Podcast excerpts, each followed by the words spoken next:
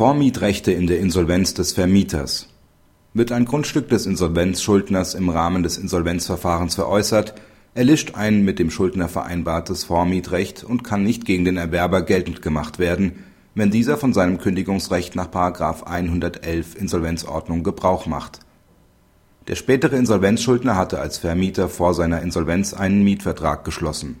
Dieser enthielt in § 2 Nr. 8 des Mietvertrags eine Klausel wonach dem Mieter ein Vormietrecht eingeräumt ist, für jeden Fall der Weitervermietung des Mietobjekts unabhängig von der Dauer dieses Vertragsverhältnisses und davon, ob der Mieter seine Rechte aus diesem Vertrag geltend macht.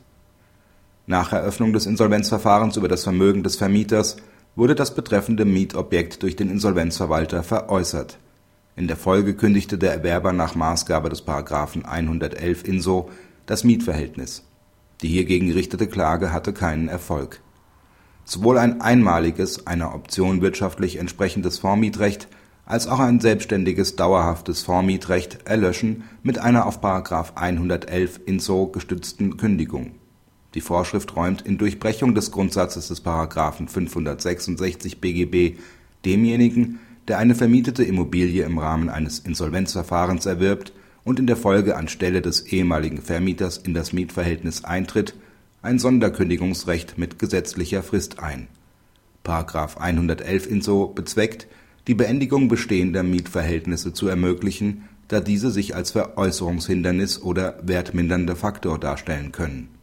Praxishinweis Die Entscheidung ist richtig.